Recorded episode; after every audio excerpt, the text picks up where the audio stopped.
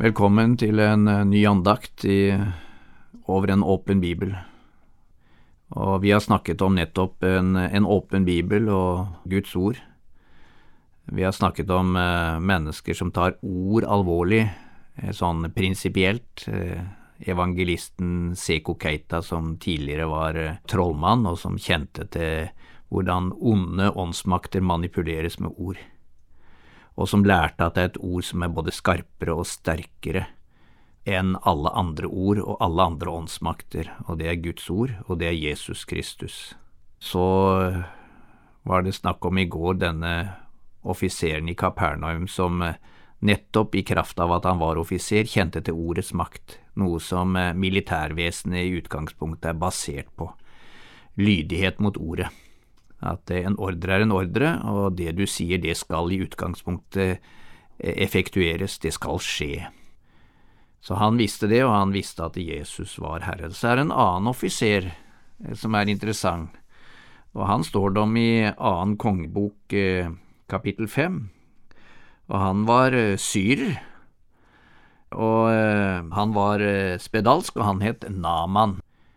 Og der var det akkurat som i historien om offiseren i Kapernaum, men en tjenestejente, ikke en tjenestegutt, men som var en viktig medspiller i dette, og som fortalte til Naman at hadde du eh, besøkt profeten i Israel, så ville han eh, helt sikkert gjort deg frisk.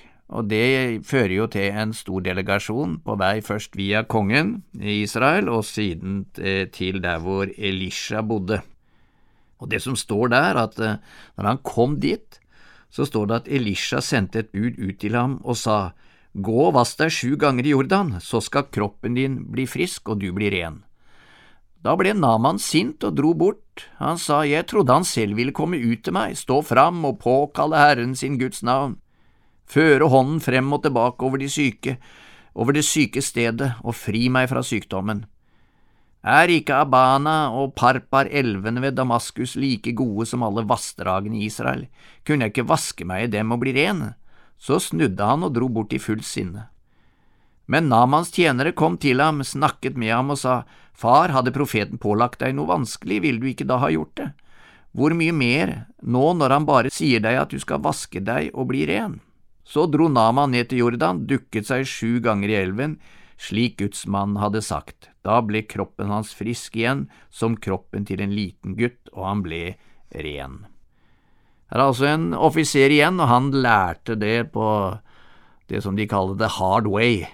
Han lærte denne sannheten som vi dveler ved denne uka, at det er nok bare med ord. Han opplevde altså at profeten ikke kom ut av huset engang.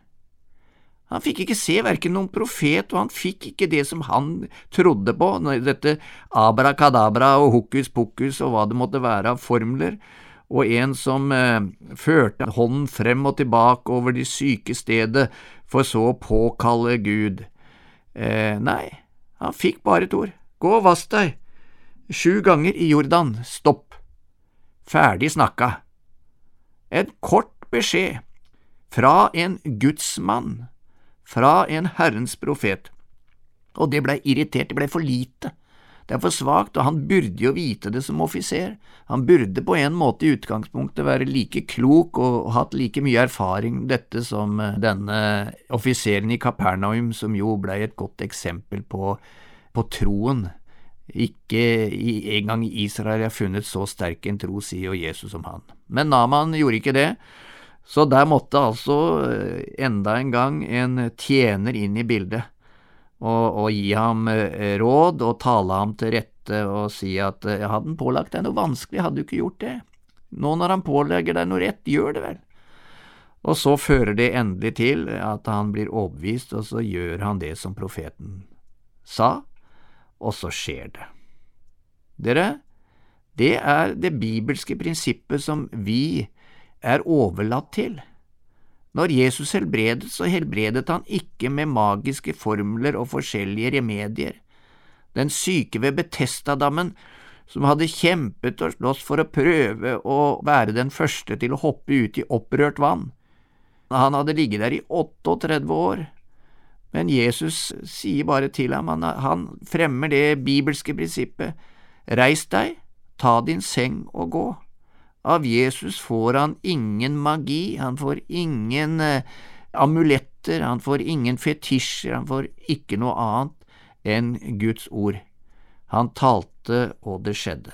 Og vi også er overlatt til det prinsippet, at vi får ikke, som Jesus sier også til Thomas, salige er de som ikke ser og allikevel tror, de som ved apostlenes ord kommer til tro på Jesus.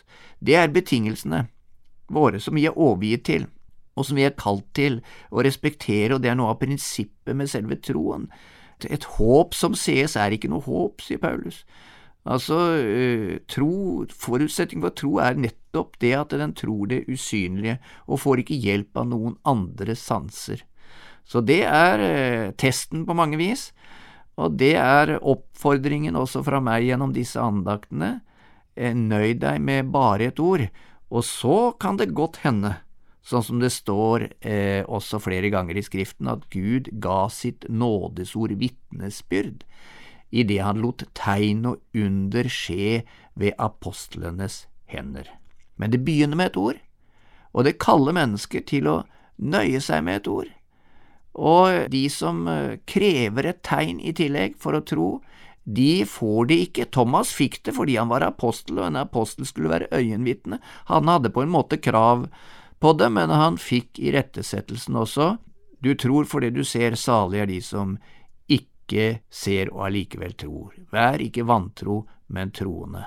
Våre betingelser, dere, det er Guds ord. Bruk det, les det, og du skal oppleve at det er sant. Amen. Du har lytta til Over en åpen bibel med andaktsholder Alf Halvorsen. Serien er produsert av Norea Mediemisjon og er et gjenhør fra 2019. Har du kommentarer eller spørsmål, så ta gjerne kontakt med oss. Du kan bruke e-postadressen eh, postalfakrøllnorea.no, eller du kan sende oss en melding via Facebook. God sommer videre.